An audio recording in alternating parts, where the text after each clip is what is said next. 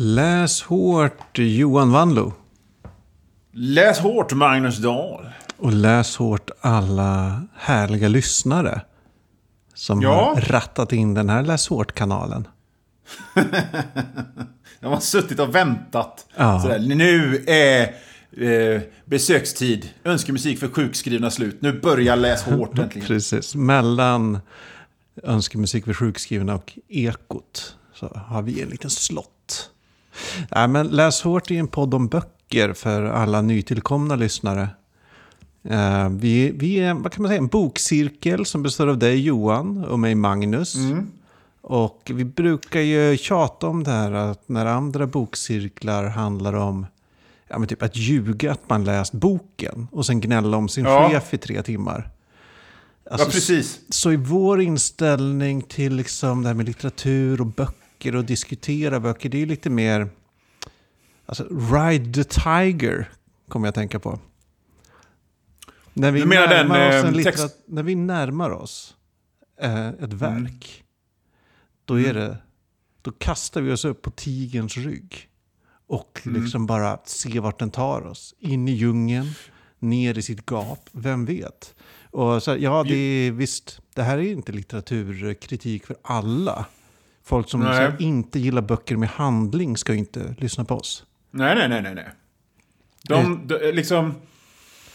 s- Så här.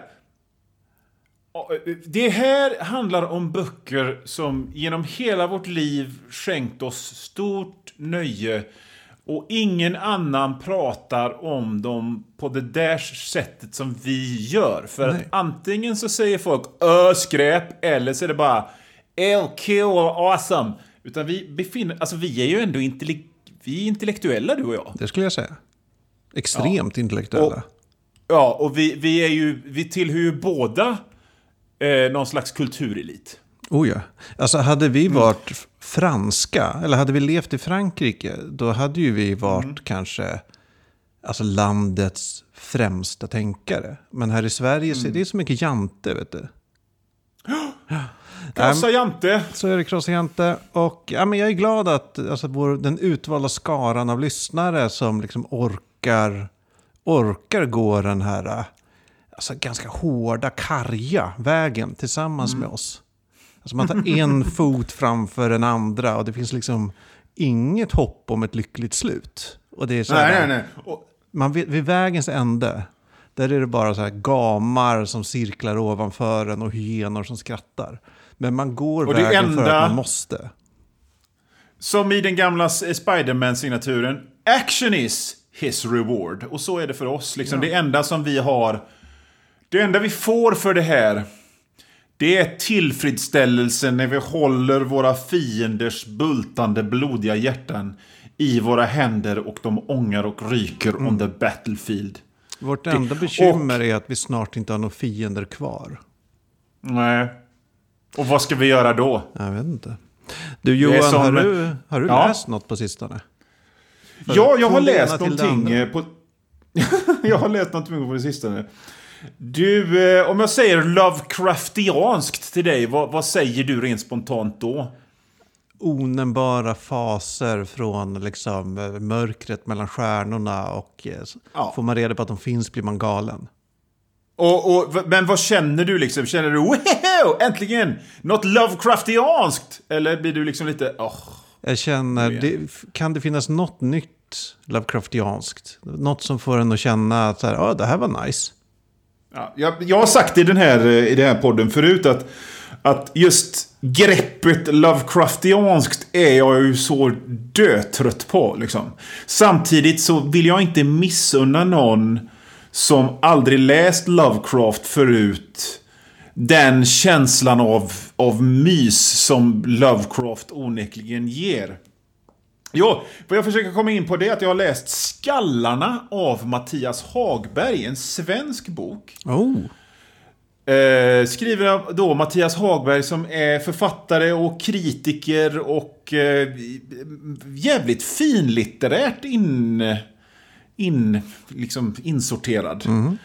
Eh, han skriver krönikor i Göteborgs-Posten och på, på, på hög nivå sådär. Så att han, han är ju verkligen ingenting som jag skulle se som någon slags genreförfattare eller genreprofilerad alls. Men jag, han kom ut med en bok som heter Skallarna förra året på Atlas.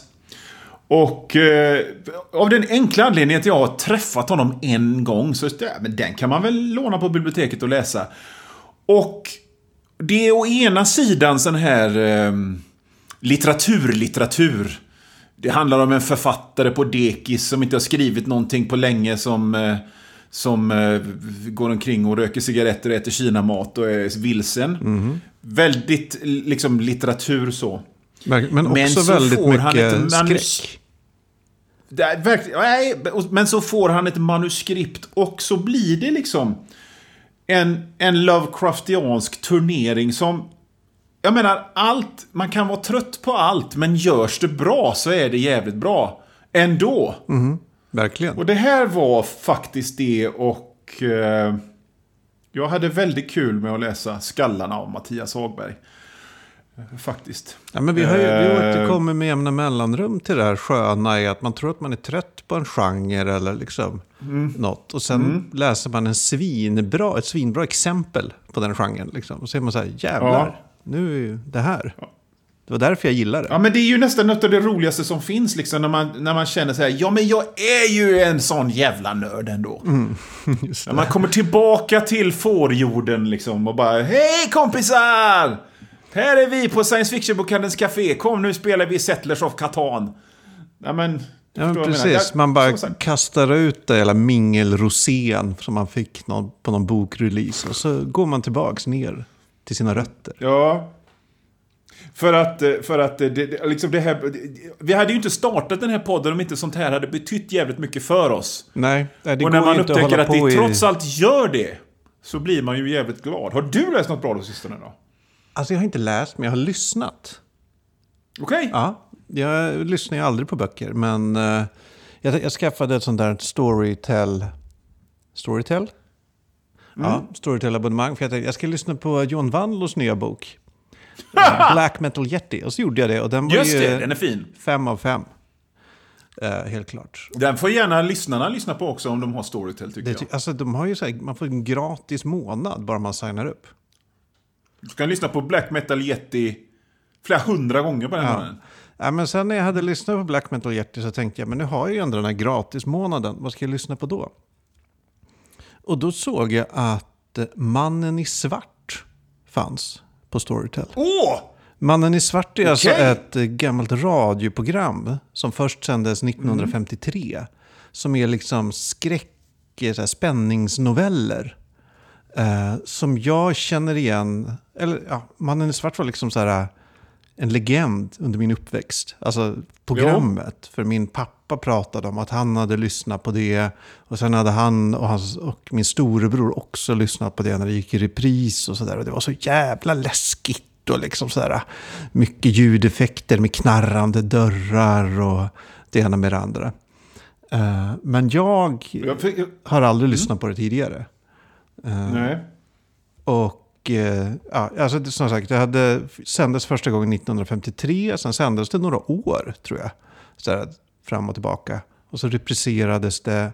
Men när jag var i liksom rätt ålder, då, ja, då gick det inte. Alltså på 80-90-talen. Och eh, på den tiden fanns det ju inget sätt att få liksom tillgodogöra sig det här heller.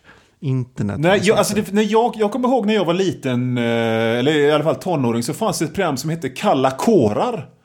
Eh, Ja. kort och gott. Eh, där det, där det, som var som Mannen i svart.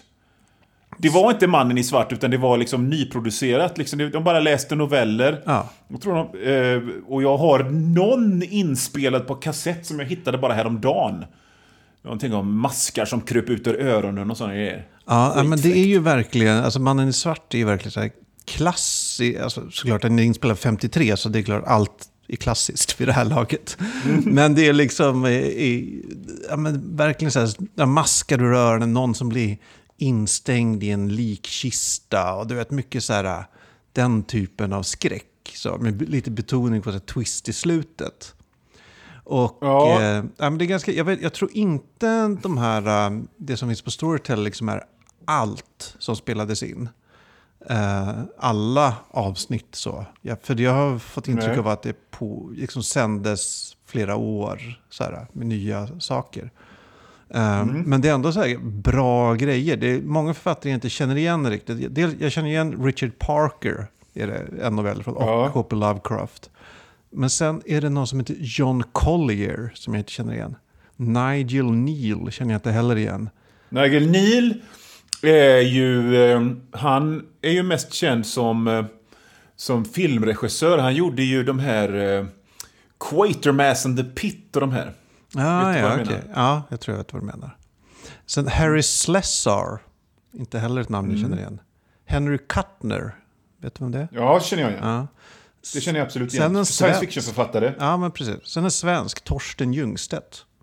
Jag tror han var typ producent för det här, eller något liknande. Eh, Ja, just det. Det var han som, han som hatade Terminator så jävla mycket när han jobbade på Filmkröniken.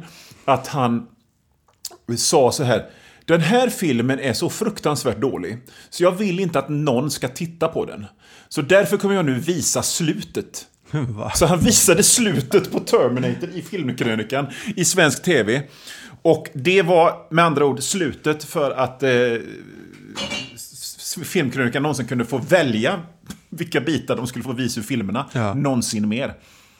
Ja, men sen, en sista, den sista författaren är den enda kvinnliga som är med heter Kitty Harwood. Som jag, Alltså det ringde inte ens en klocka. De andra ända lite så här att det, något låter i bakhuvudet liksom. Men Kitty Harwood med en novell som heter Nu ska pappa åka eller Pappas going bye bye. Eh, jag googlade på henne och det här verkar vara liksom det enda hon har skrivit. Det finns eh, Okej. inget mer än den här novellen från henne. Det kan ju förvisso ha varit en pseudonym, det vet man inte. Men eh, ändå lite intressant. Men det, det roliga är ju, det är så här, du vet, de svenska uppläsarna är ju, ja men som alla Sveriges Radio-anställda från den tiden, de liksom blev, när man kollar in dem på Wikipedia har de så meritförteckningar som går liksom sida upp och sida ner. Ja. Dels är det Gösta Pruselius, kanske känd som Reidar i Rederiet, eller Bagheera i Just. Djungelboken. Eh, Anita Wall, så kommer du ihåg den här, eh, det fanns en tv-komediserie där Björn Gustafsson och Ulf Brumberg är så här, eh, patienter på en sjukhus. Just det, just det. De är sjuka hela tiden. Och Precis. hilarity ensues. Ja, den Och eh, Anita Wall är då liksom den paranta doktor Söderberg i den. Men sen är det Tor Isendal som har eh, ja, gjort massa, men jag känner mest igen honom som Guld-Ivar Flinthjärta i DuckTales. Okej. Eh, Carl Billqvist, Pelle Svanslös och, och eh, Nalle Puh Uggla.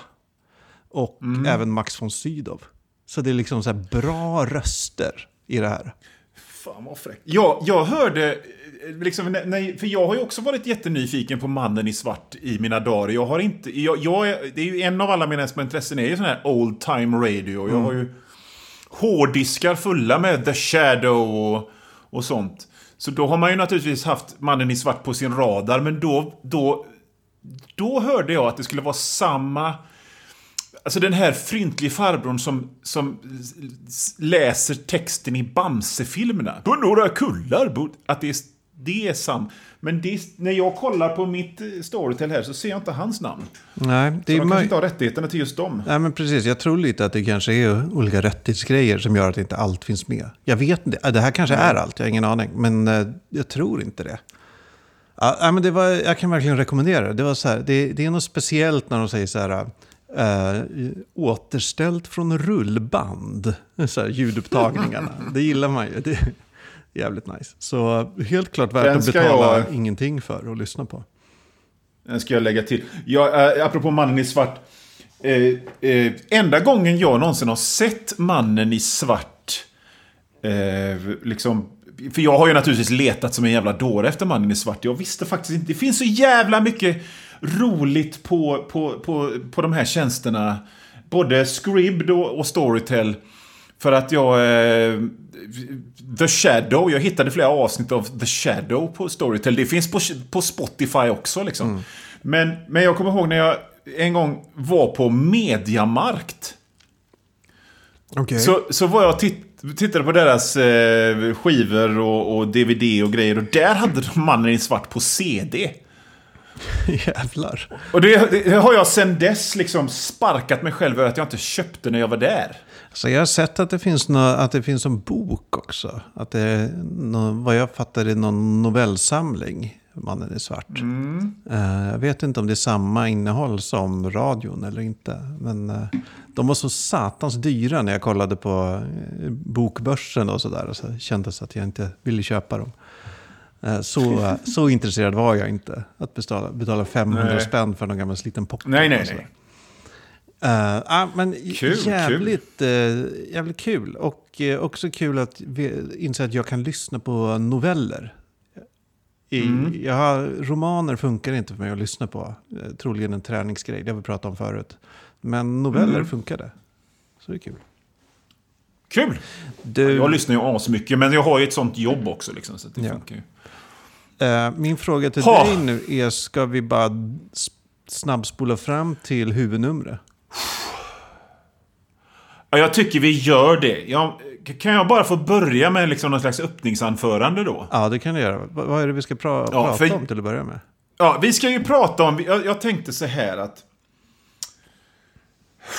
Hur fan ska jag börja? Jo, Dean Kuntz är ju ett namn som slängs runt. Och jag har gärna upplevt att det har slängts runt med lite... Lite sarkasm. Dean Kuntz.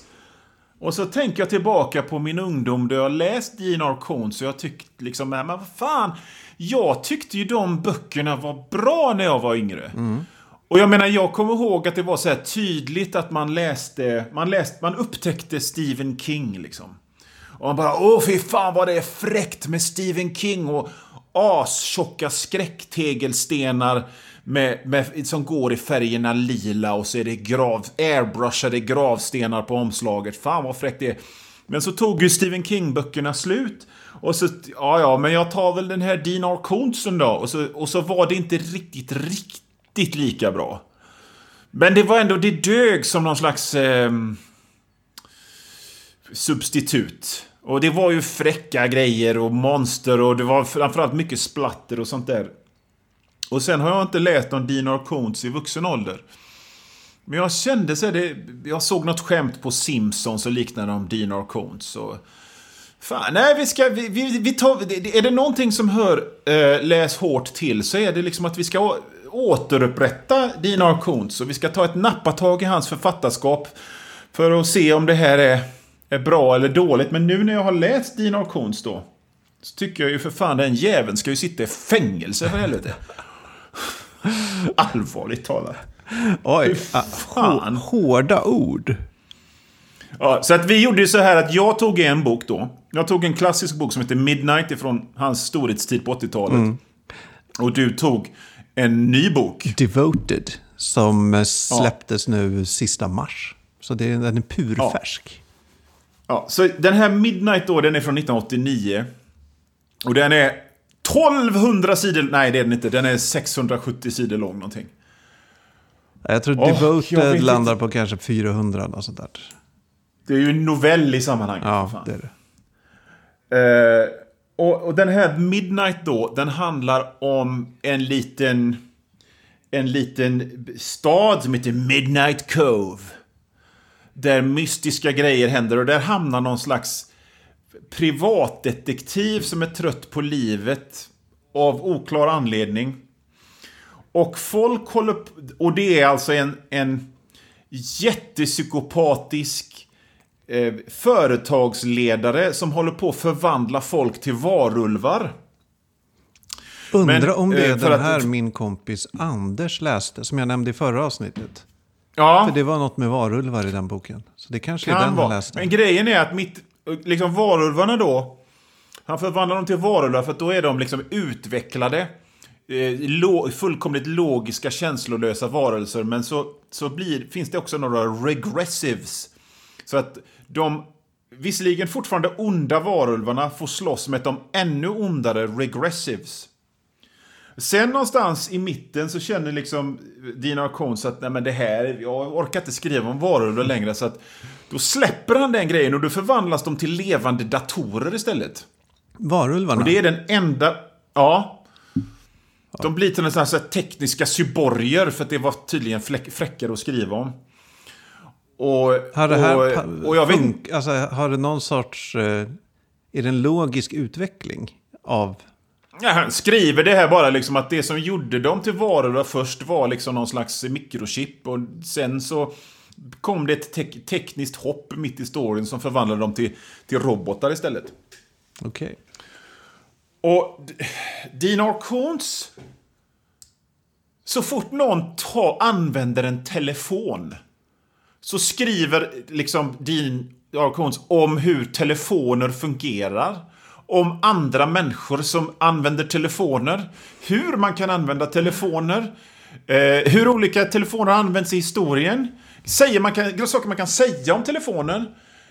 Och detta gäller precis allting! Allting! Liksom, är det någon som klappar en hund så, så får man höra om olika hundar. Det finns olika hundar.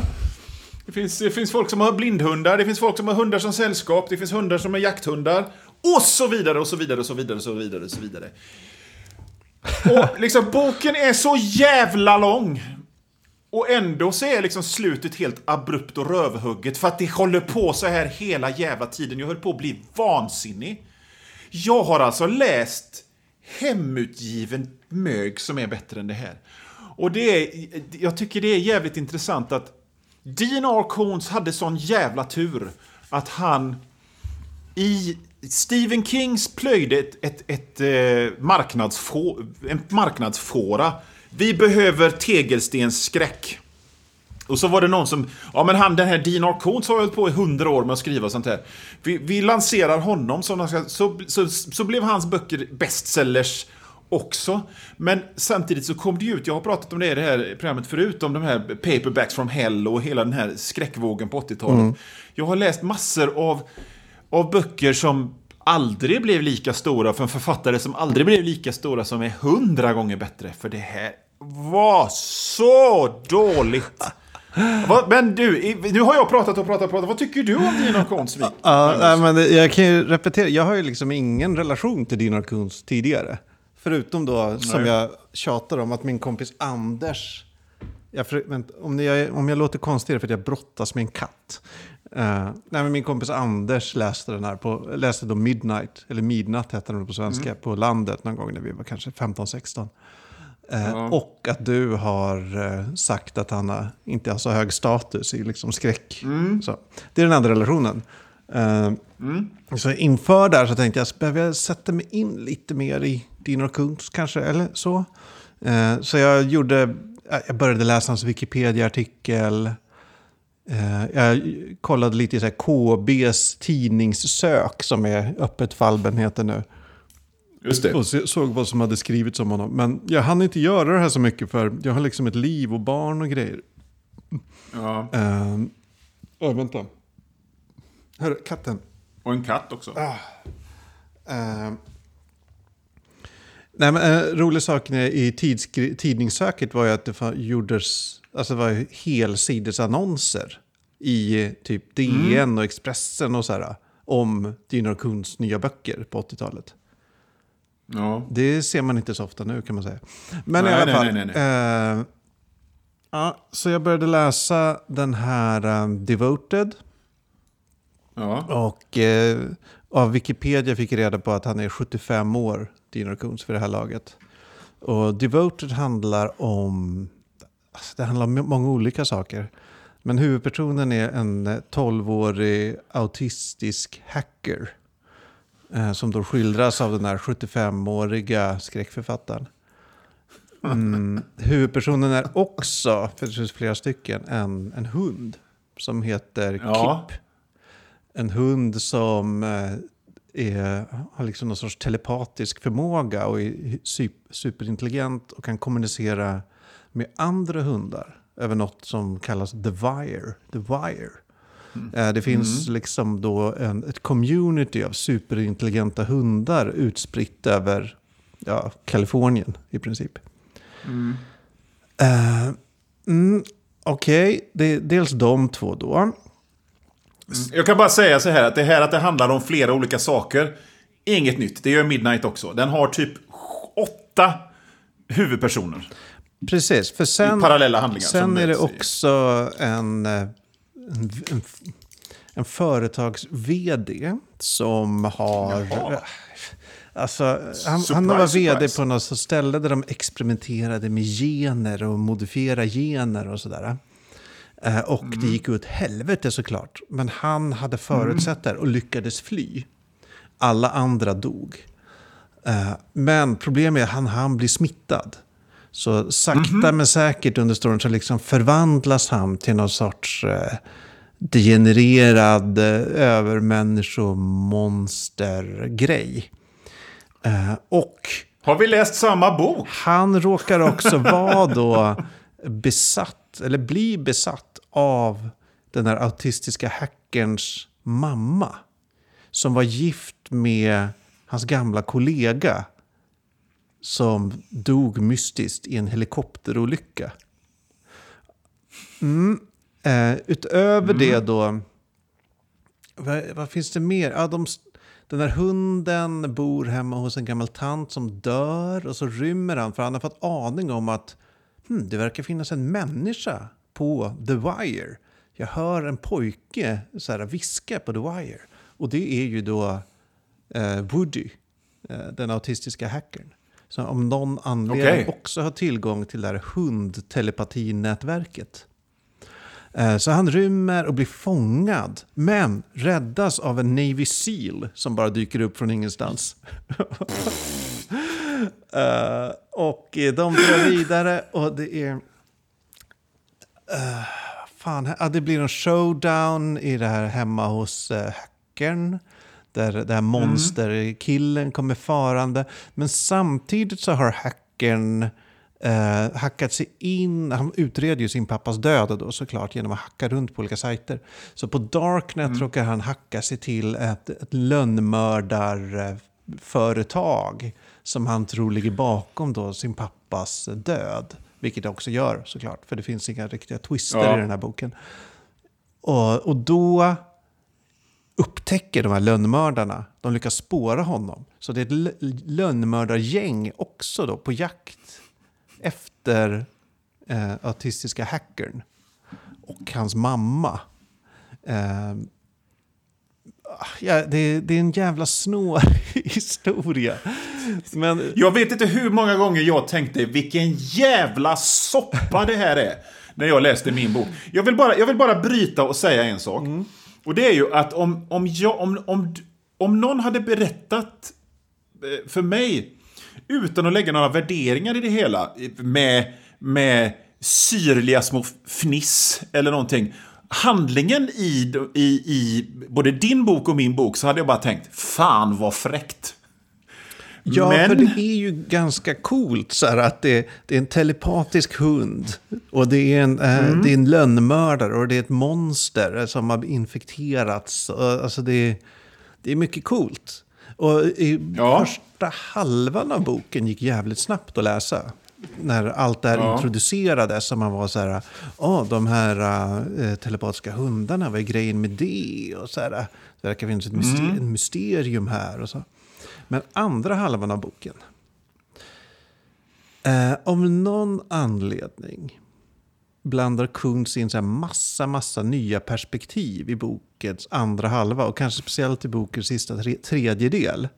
Alltså plötsligt får man följa de här läskiga lönnmördarna. Eh, Och plötsligt får man följa polischefen. Och plötsligt får man följa eh, rättsåklagarna eller obducenten eller vad det heter. Alltså helt utan mening riktigt. Det enda det gör är att de här lönnmördarna inte känns läskiga längre. Utan de känns bara som jävla ett gäng byggjobbare som tjabbar med varandra. Liksom. Kla- klassisk konst till att börja med, det här perspektivhoppet. Ja. Eh, Alltså jag kan tänka ja. mig det. För, och mycket i boken kändes verkligen bara som utfyllnad. Dels repeterar Men kunde han själv hålla sig mycket. till ämnet? Var det på samma sätt som i, i min bok? det här? Som till exempel Sam, som är en av hjältarna i min bok. Han är liksom lite deppig. Han har typ bara fyra saker att, att eh, leva för.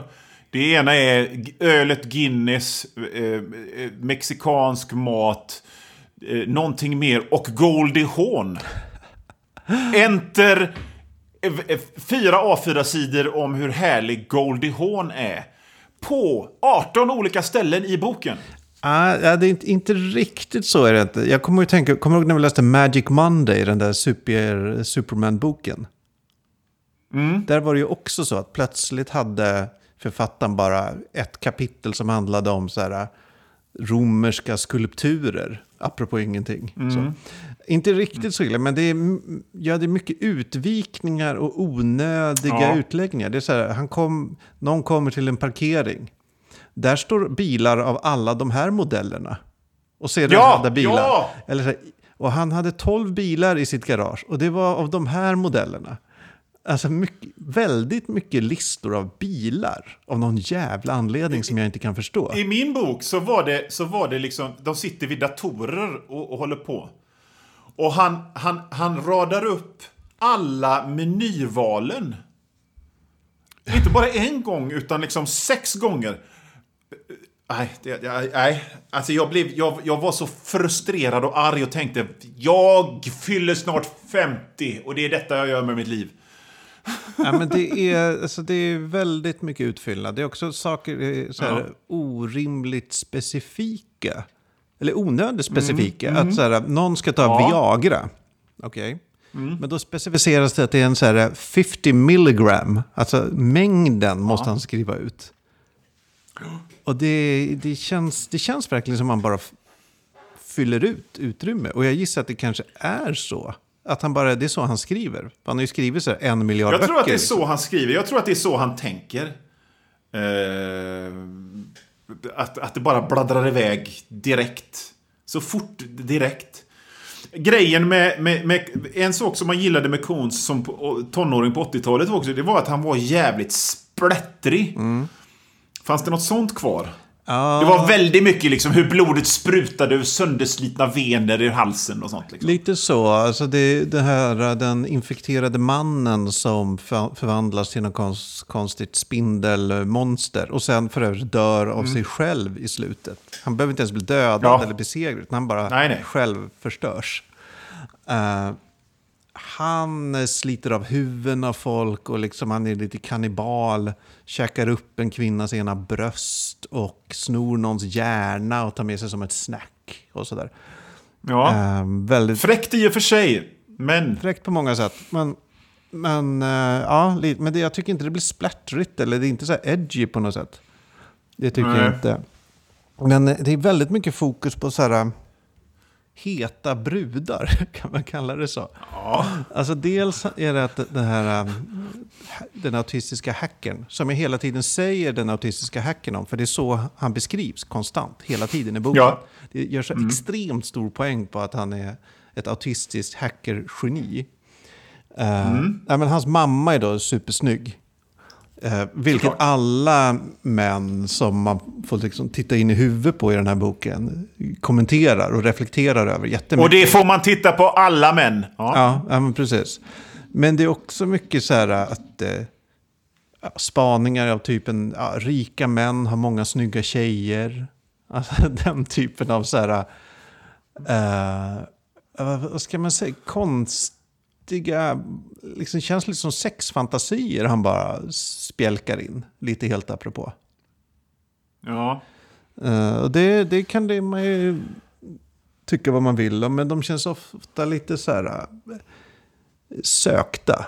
Känns inte naturligt att han... eh, De kommer inte så här på ett organiskt sätt, utan det är bara så här...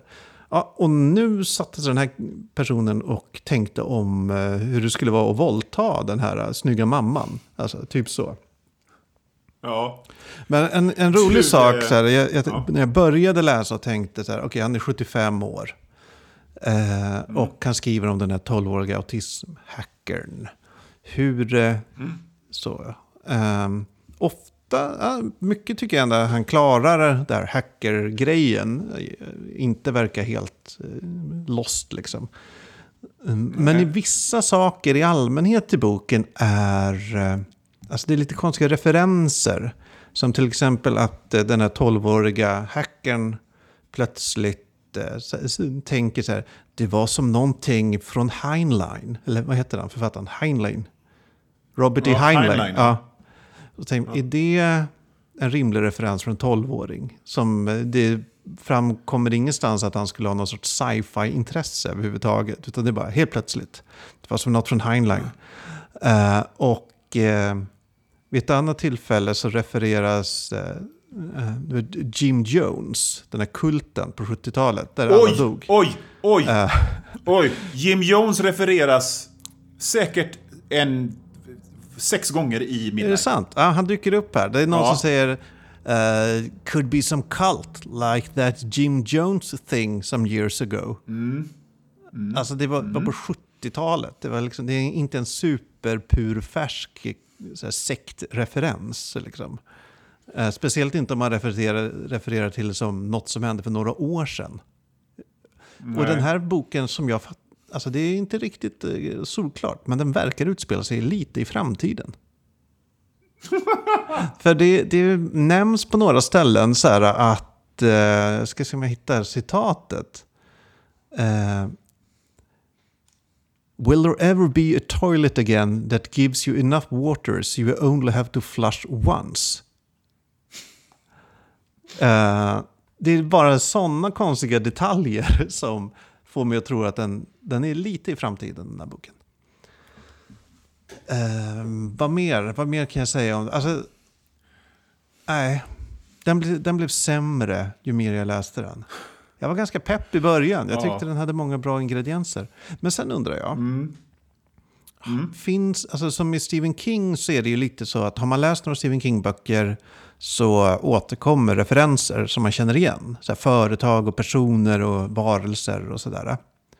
Finns det något sånt i Coons? Finns det så här Coons verse? Liksom? Eller är allt bara Eh, fristående? alltså det finns ju, han, han ändrade ju lite grann sin inriktning när liksom just den här eh, s- 80-tals skräcktrenden var över så, så, så pivotade han lite och började skriva grejer som var mer kanske högteknologiska, lite sci-fi deckare. Han, han har ju en... Eh, han har ju gjort flera serier eh, på senare tid. Och med senare tid menar jag liksom 90-talet, 2000 och fram till nu. Som är liksom så här.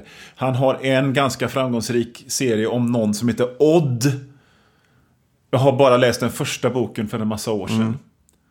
Och, och då tyckte jag faktiskt att det var liksom en av de bästa Kuntz jag har läst. Men, ah, så att de böckerna är ju ett Kuntz-verse, helt klart. De i de olika serierna. Han har skrivit någon serie om någon tjej. Det vill jag nog inte ens veta vad en 75-årig eller 70-årig gubbe skriver om för jävla över, övermänniskotjej detektiv. Mm men i hans fristående romaner har jag inte- men, men det är ju onekligen så här liksom, att det finns teman som återkommer. Som en superond VD. Ja, oh ja. En konspiration i en liten stad. Ja, för Eh, polischefen är såklart superkorrupt. Ja. Och, och, och, och barn som är jättebegåvade. Och eh, sådär. Så att det liksom, tematiken återkommer ju verkligen alltså. I, eh, I Midnight, hur långa var kapitlen? Eh, de var väl, alltså de blev kortare ju närmare slutet man kom. Mot slutet så var, alltså det var ju normal liksom 10, 5, 7 sidor. Mot slutet så var, eh, så kunde en, en, ett kapitel vara en eh, tre fjärdedels sida liksom. Ja, för här var det jävla... Alltså inte tre fjärdedels sidor kanske, men det var, kapitlen var genomgående så här... Nu läste jag på, på Kindle, men kanske två till fem sidor långa. Alltså det var ju jättekort allting. Så det var ju väldigt snabbläst och sådär, inga, inga konstigheter så. Men, eh, ja. Nej.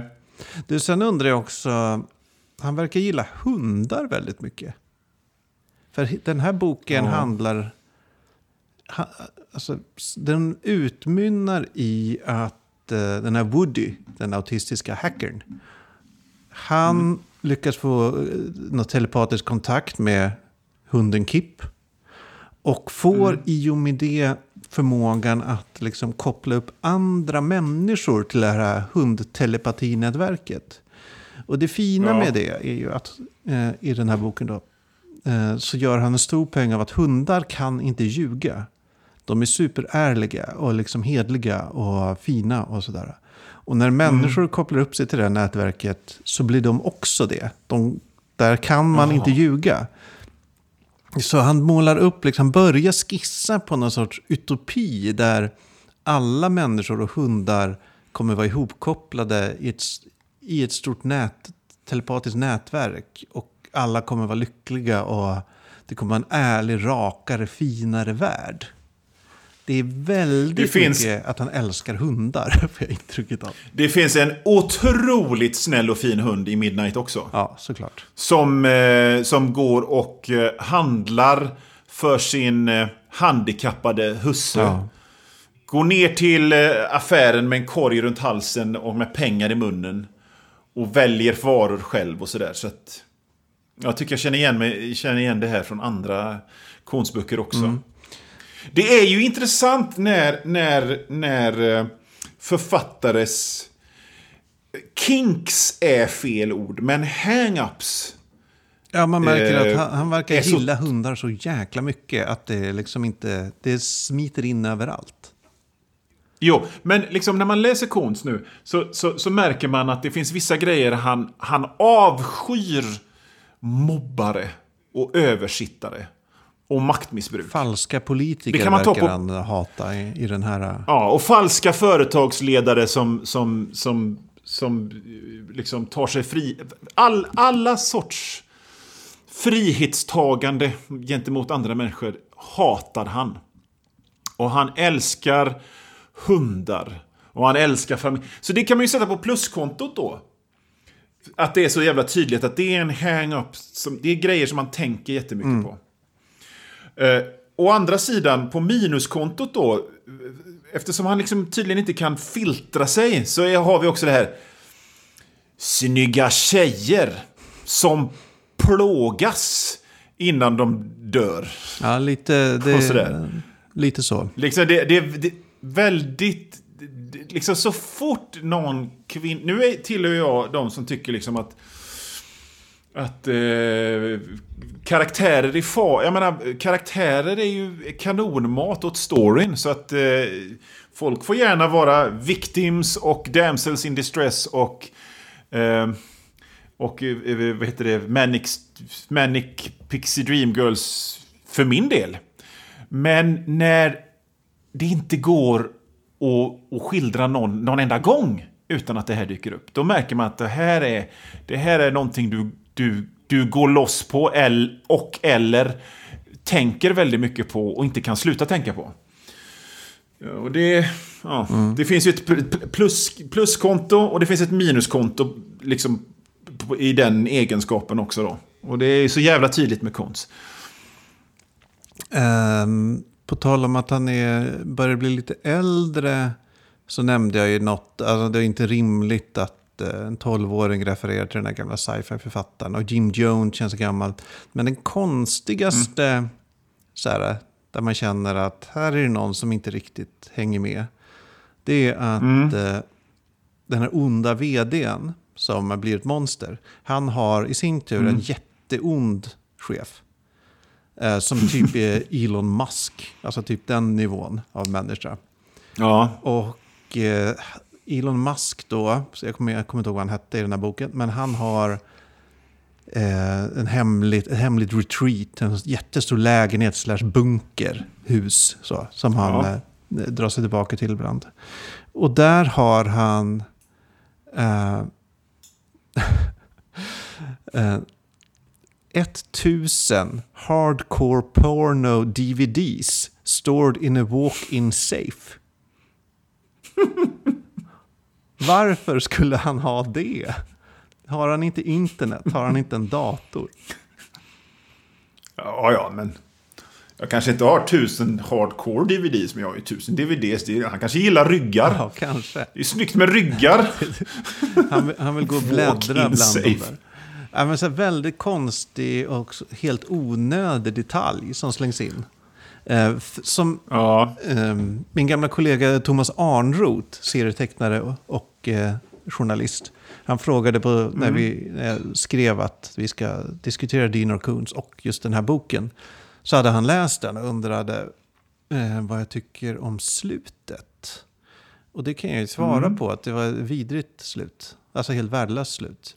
Det som händer är så här. Alla onda dör. Och de dör...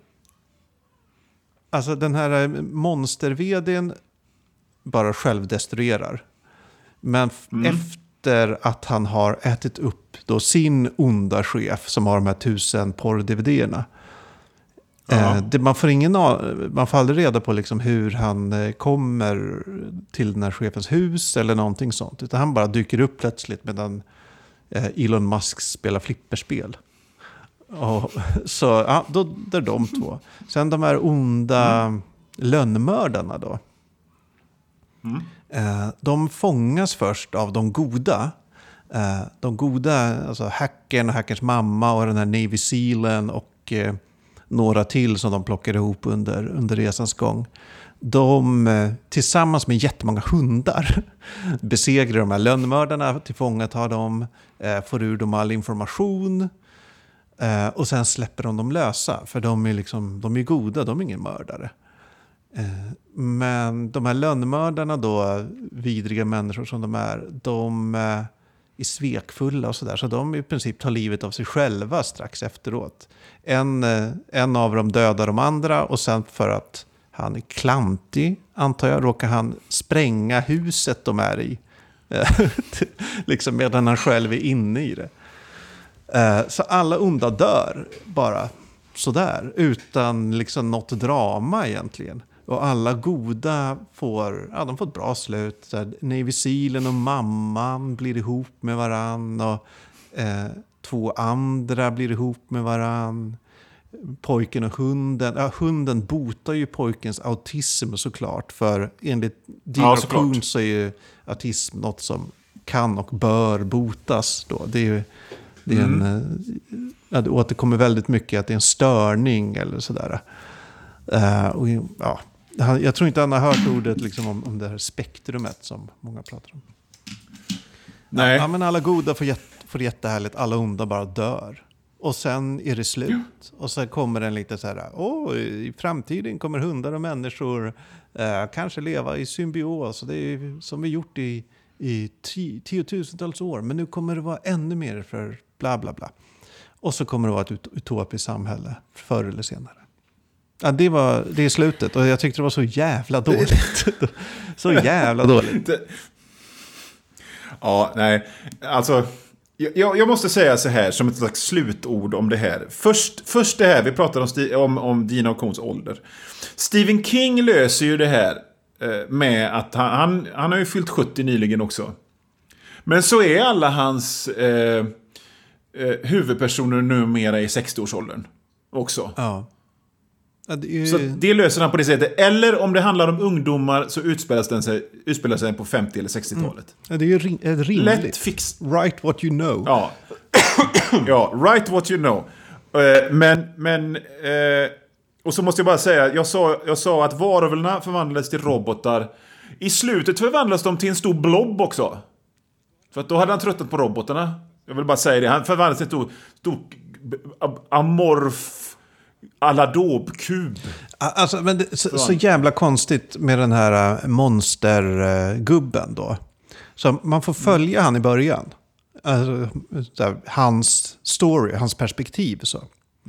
Sen ungefär halvvägs in i boken då försvinner hans perspektiv. Så tänker man så här, oj oj oj, vad kommer hända nu? Eh, vad, han i, i, vad kommer han göra mot våra hjältar? Det visar sig att han gör då inget alls, utan han söker upp sin chef och äter upp chefen. Och sen dör han. Helt bortkastat. Det var bortkastat. Eh, ja, förlåt. Ja, nej, det var, ja, nej, men så, så min poäng är... Eh, det var intressant det här. Eh, helt klart. Det fanns en bra grej i boken och det var liksom... eh, i Midnight då. Det var liksom när en, en, en av de här varulvarnas söner hade, förvandl- hade kopplat ihop sig till datorn med kroppen. Det var en ganska suggestiv ballscen. Eh, det, det, var, det var liksom så dåligt så Gud gråter, för att citera min mamma. Eh, ett uttryck som min mamma har lärt mig. Eh, men, men det var samtidigt intressant. Jag kommer aldrig läsa din auktions igen. Du, en konstig grej på Wikipedia. Där står det att han har sålt 450 miljoner böcker världen över. Det är ju jättemånga böcker. På Stephen King står det att, står att King har sålt 350 miljoner böcker. Har alltså Dino Kunz då sålt 100 miljoner böcker mer än King? Det har jag väldigt svårt att Källa Wikipedia. Ja. Ja. Äh, Jag tror att det finns ett viss, viss eh, rivalitet dem emellan. Eller snarare en rivalitet från Coens sida mot King. Jag vet inte. ja. Jag gissar det. Alltså, men det, jag vill också på... Kommer du läsa dina och Coens igen? Nej, det kommer jag verkligen inte göra. Då, men det fanns ändå vissa så här... äh, Han kan skriva. Man märker det ibland. Mm. Att han, att han liksom så här får till formuleringarna. Så. Men att han Mm. nu, han verkar liksom inte bry sig. Det känns som att man bara slänger in massa grejer. Men han brydde sig inte 1989 heller kan jag säga. Kändes det som. Jag har ett citat jag bara skulle läsa för jag tycker det var jävligt nice. Uh, Ja. The two lane blacktop. Blacktop? Vad fan är det? Ja, det är asfalterad väg. Ja. The two lane blacktop is a dark snake slithering through the moon-washed paleness of the Utah wastelands. Det var det. Jag tyckte det bara var snyggt. Snyggt formulerat. ja, det är snyggt.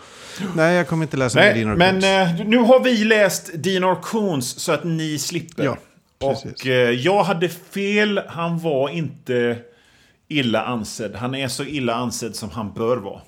Och ändå har han, han har ju väldigt många fans. Det är ju helt uppenbart. Det är många som bara läser allt av honom. Jo, jo. Har jag märkt när jag liksom kollat runt.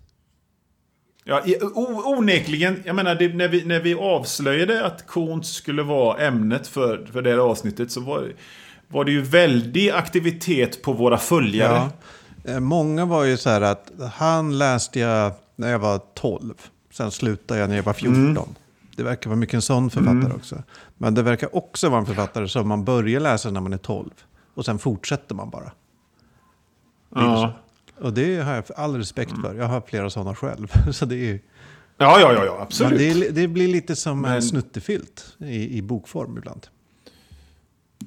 Ja, det, det, är, det, är ju, det, det är ju sånt som vi här på Läs Hårt både respekterar och gillar. Men, eh, men jag hade fel om Koons, helt klart. Vad ska vi läsa nästa Ja, det är jag gång, som har valt. eh, Och du, du, håll i dig nu.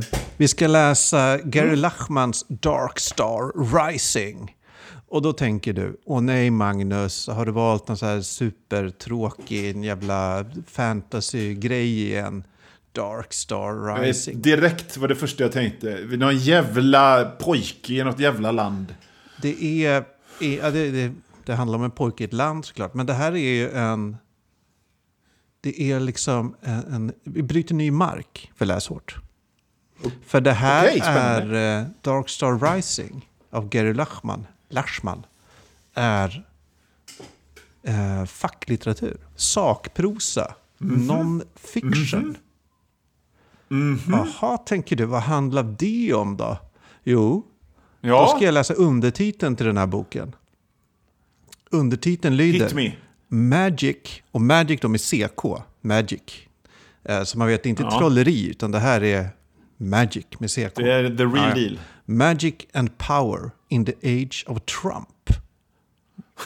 ja! Det Äntligen!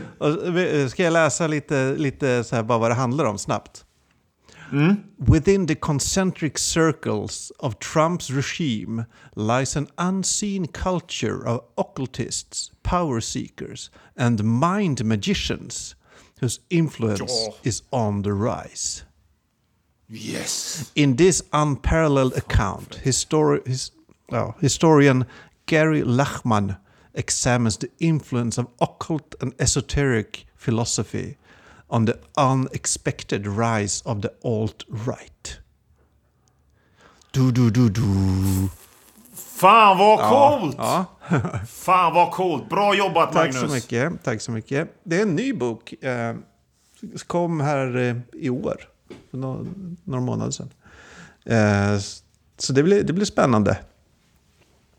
Ja, det blir det verkligen. Facklitteratur, det trodde du inte.